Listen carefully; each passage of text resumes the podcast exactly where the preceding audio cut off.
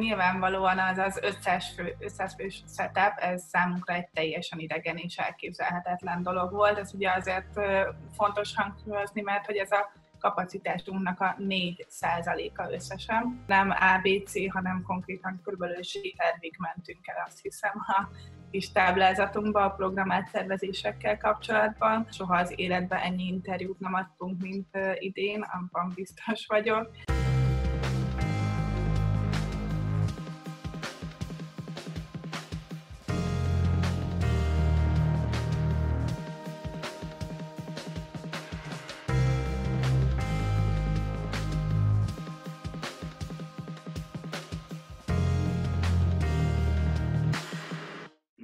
Hát szevasztok, ha kedd, akkor természetesen fű alatt, és ezen a héten a vendégünk Vicó Andrea, a Budapest Park PR menedzsere. Szia Andi, üdvözlünk a műsorban. Sziasztok, szia, Olek.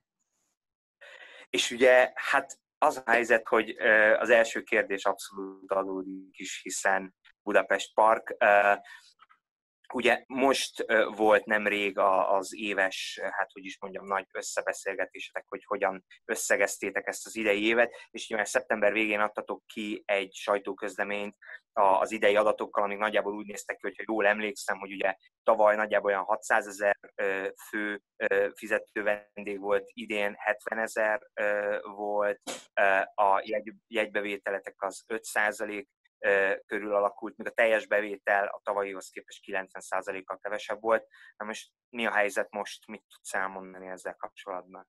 Hát, ahogy említetted, most évértékelések zajlottak nálunk.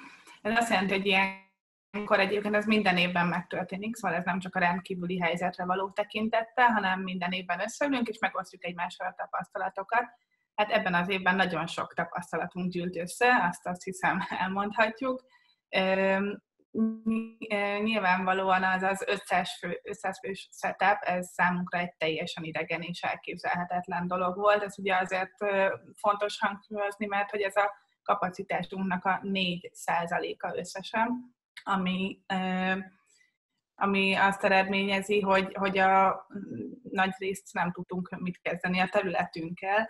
Ezt azért ezért is kell elmondani, mert, mert attól függetlenül nagyon sok olyan üzemeltetési költség van például, ami, ami hiába kisebb területen zajlik a, a program, a költségek akkor is felmerülnek. Úgyhogy most igazából már nem szeretnénk nagyon negatívak lenni, nagyon bízunk a következő szezonban, inkább ezeket a tapasztalatokat, ezeket a, az olyan adhok helyzeteket beszéltük át, amik, uh, amikkel eddig sosem találkoztunk, és amikre egyébként borzasztóan gyorsan kellett reagálnunk. Ez a másik, ami, ami nagyon fontos, hogy nem ABC, hanem konkrétan körülbelül tervig mentünk el, azt hiszem, a kis táblázatunkba a programált szervezésekkel kapcsolatban.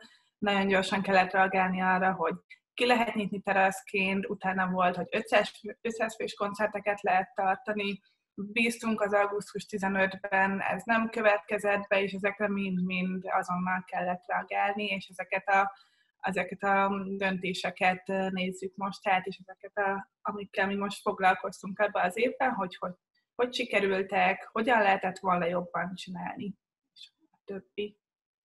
Uh-huh. Hogyha ugye egy kicsit előre nézzünk, jövőre ugye a tizedik szezonokat kezdenétek, illetve tizenet, tizedik jubileumi szezonotok lesz. Ugye, és itt elsősorban kalkuláció esetében ez a kicsit kiszámíthatatlanság, tehát ez a bizonytalanság, hogy lehet, hogy egy koncertet egy nappal vagy két nappal előtte le kell fújni ilyen-olyanok miatt. Hogyha ezeket a bizonytalansági faktorokat nézzük, akkor, akkor jövő, tehát a jövő szezonra hogy kalkuláltok? Milyen vészforgatókönyvek vannak, vagy, vagy, vagy hogy, hogy érzitek ezt az egész 2021-es szezon?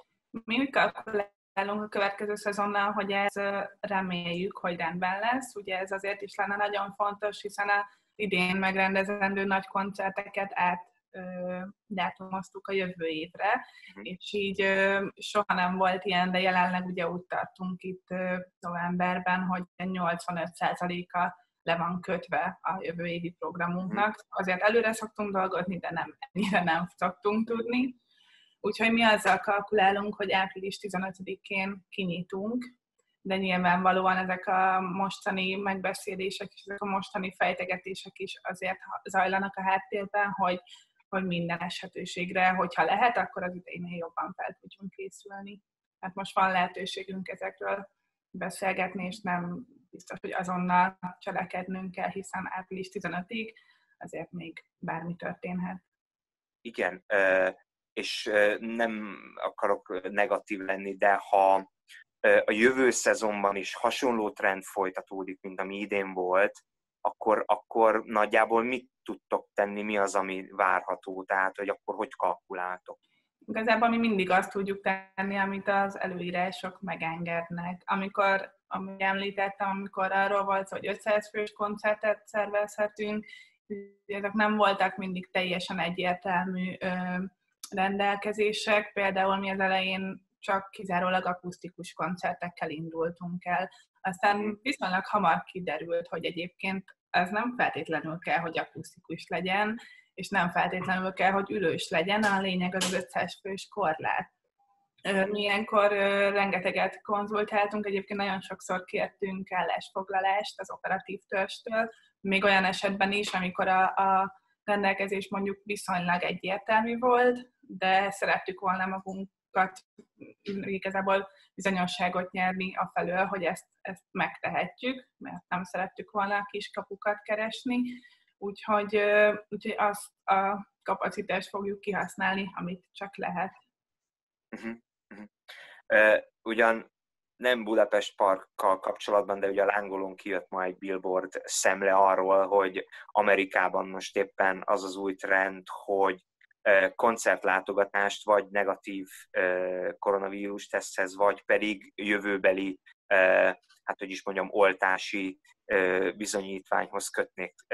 Ugye pont beszéltünk tavasszal arról, hogy Kaliforniában jelezték, hogy amíg nincs normális vakcina, addig nem nagyon lesz se koncert, se fesztivál, és nyilván senki nem tud még kalkulálni, ez csak egy amerikai javaslat, de hát szóval én, én elég, hogy is mondjam, furcsának, vagy irreálisnak látom azt, hogy, hogy veszel egy 4 ezer forintos koncertjegyet, és akkor nem tudom, 10-12-15 ezer forint elmész mindig tesztegetni.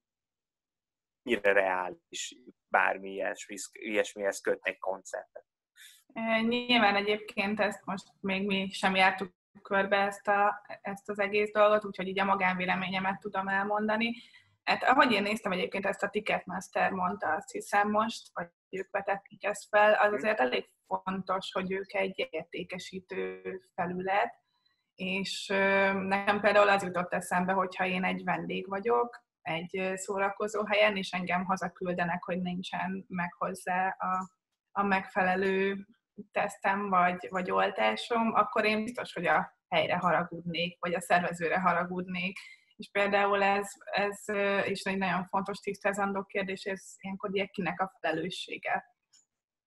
Azt sem teljesen igazából, amit nem látok át ebben, az a, az a technikai háttere ennek az egésznek. Ugye itt azt mondták, hogy össze lenne az egészségügye valahogy kapcsolva a, a rendszerük, és ott látnák azt, hogyha valaki oltást kapott, Hát ez a Európában szerintem GDPR szempontból nem kifejezetten kivitelezhető, nem vagyok egy GDPR szakértő, de azt gondolom, hogy, hogy ez, ez nem feltétlenül annak arra van kitalálva, de nyilvánvalóan egyébként mindig mindenkinek a biztonsága az elsődleges, a, ami a Budapest Park szempontunkból is egyébként egyrészt az nagyon fontos, hogy valóban biztonságban legyenek a vendégek, a másik, ami nagyon fontos, hogy ők biztonságban érezzék magukat.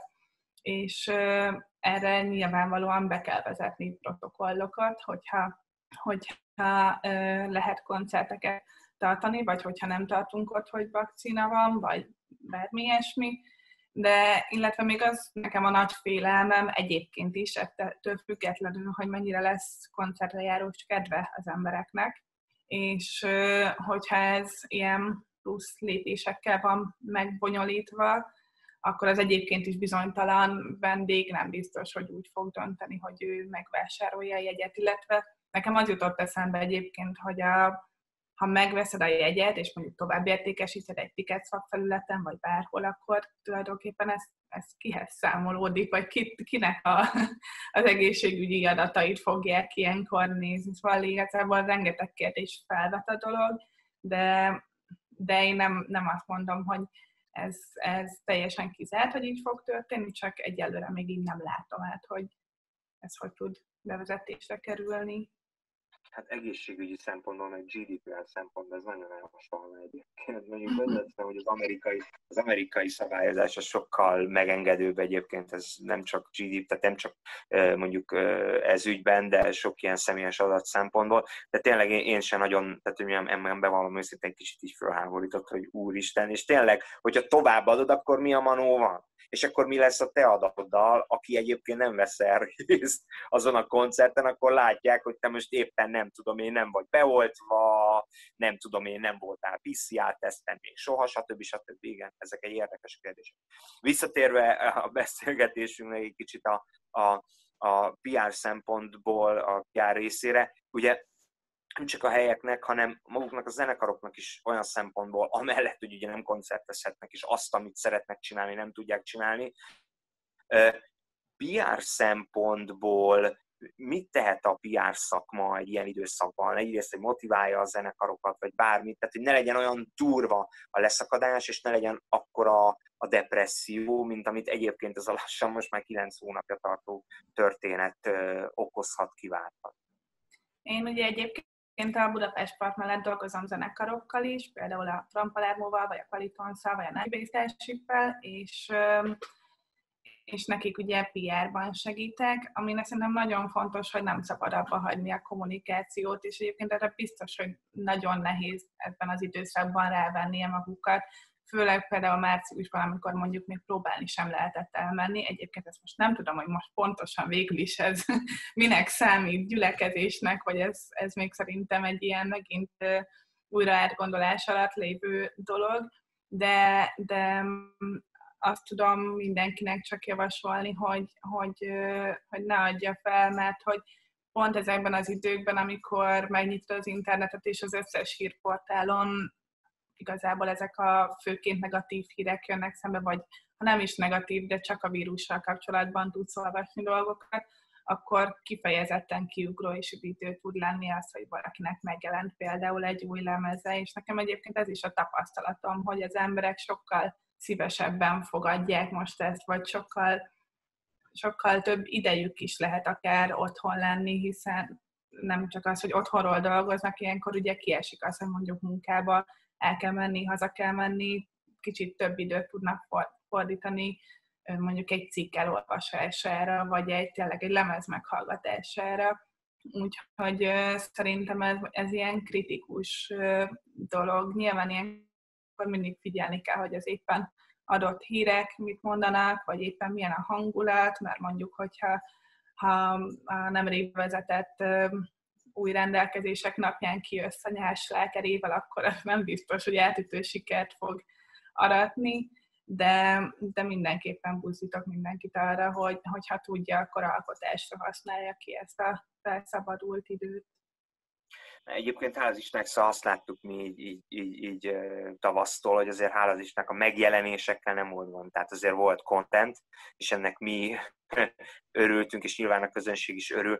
Egyébként ha egy picit megint ilyen, ilyen magánvélemény, én nagyon, tehát a, főleg a háttérszakmában egy nagyon nagy lemorzsolódást láttam, nagyon sok ród, hangos, fényes ismerősöm gyakorlatilag elpárolgott a szakmából, és most már totálisan, akár mit tudom, fél éve teljesen más helyen, más jellegű munkákat végeznek, és ugye igazából ez lesz az egyik legdurvább dolga magának a zeneiparnak, hogy ugye főleg a háttéremberek, neked mik a tapasztalatotok, vagy neked mik a tapasztalatod, mit látsz, mi az, ami, ami, ami, ami, ami majd mondjuk nagyon rá kell dolgozni, hogyha, hogyha újra beindulhat valami ezen a téren. Hát igazából mondjuk a park szempontjából azt látom, hogy az állandó csapatunk az így nagyjából együtt tudott maradni, és ez egy nagyon kivételes és nagyon szerencsés dolog, de mondjuk akik már, már nem irodai dolgozók, hanem például kultosok nyilvánvalóan sokkal kevesebb embert lehetett alkalmazni, hiszen ahogy említettem, 4%-ra nem fogunk tudni ugyanannyi embert behívni. Hát így magánemberként nekem ez a legnagyobb szívfájdalmam, és a legnagyobb félelmem is egyben, hogy egy rendezvény színvonalához elengedhetetlen az, hogy jó szakemberek vegyenek részt a megszervezésében és a lebonyolításában is, és nekem ez nagy félelmem, hogyha valaki most éppen szakma elhagyó, hogy őt vissza lehet-e egyet csábítani az eredeti foglalkozásához, amihez egyébként tök jól ért, és tök jól állja. Hát igen, az a baj, sajnos nekem sincsenek túl a tapasztalataim, mint mondtam. És egyébként, ha már egy újabb szekcióra fordulunk rá, a zenei újságírásra is beszélünk egy kicsit, és nagyon-nagyon sokat gondolkoztunk egyébként a srácokkal, hogy mondjuk egy ilyen helyzetben a zenei újságíró szama, mondjuk azok a zeneblogok, azok a portálok, akik foglalkoznak kifejezetten mondjuk magyar és feltörekvő zenék, mik azok a dolgok, amiben mondjuk tudják segíteni akkor már a zenészeket, esetleg lelket ötneni belő, beléjük, ezt te hogy látod? Tudunk-e valamit csinálni, hogy egy kicsit lelket öntsünk az emberekben? Hát szerintem, amivel, amivel a, a, az újságírók támogatni tudják a magyar zenét, azok abszolút a megjelenések. És nekem az, ez is a tapasztalatom, hogy ez mintha így felélénkült volna egy kicsit jobban. Azért azt lássuk, hogy Magyarországon nem kifejezetten sok kizárólag zenei blog vagy magazin létezik, de aki van, azért annál azt láttam, hogy, hogy próbálja támogatni a zenekarokat, ilyen nem csak a feltörekvőket, hiszen ebben a helyzetben nem csak a feltörekvőket kell egyébként támogatni, de valahogy, valahogy azt éreztem, hogy, hogy, hogy nyitottak a megjelenésekre, interjúkkal, interjúk készültek, sőt, igazából, ami egyel, nem tudom, nyilvánosabb, vagy mainstreamebb dolog, hogy azért, azért hírportálok is sokkal inkább foglalkoztak ezzel az egész témával. A, a parral kapcsolatban azt láttam, hogy soha az életben ennyi interjút nem adtunk, mint idén, abban biztos vagyok. Én érdekelte a, a helyzetünk a mainstream médiát is. Ezzel a kapcsolatban pedig ez a premierek szervezése, sajtóanyagok lekötlése, nagyon sok blogra állt, a, a, akár havi, heti, bármilyen playlistek készítésére, ami szerintem nagyon nagy segítség tud lenni. Vagy volt például ez a, a Merkel Adal kampány, amikor szintén kifejezetten magyar zenekarok dalait gyűjtötték playlistekbe. Szerintem ezek szuper kezdeményezések, és ennek mindenki nagyon örül és nagyon hálás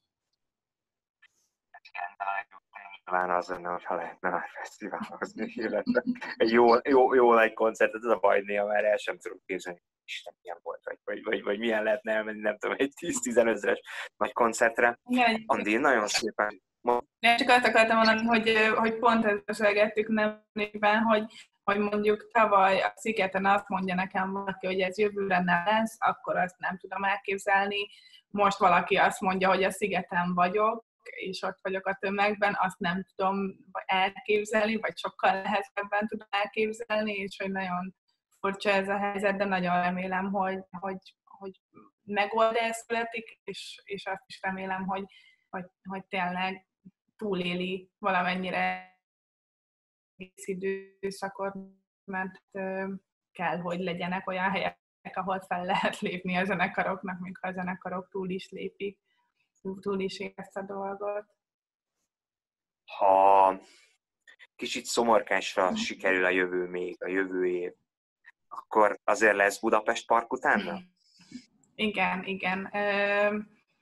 Hát mi mindenképpen így készülünk, hogy lesz. Nagyon tényleg nehéz az egészet megfogni, mert mert annyira változik minden, annyira, ráadásul tényleg nagyon hamar kell adaptálni dolgokat, de de nagyon reméljük, meg nagyon bízunk abban, hogy a, a jövő szezon már, már rendben lesz.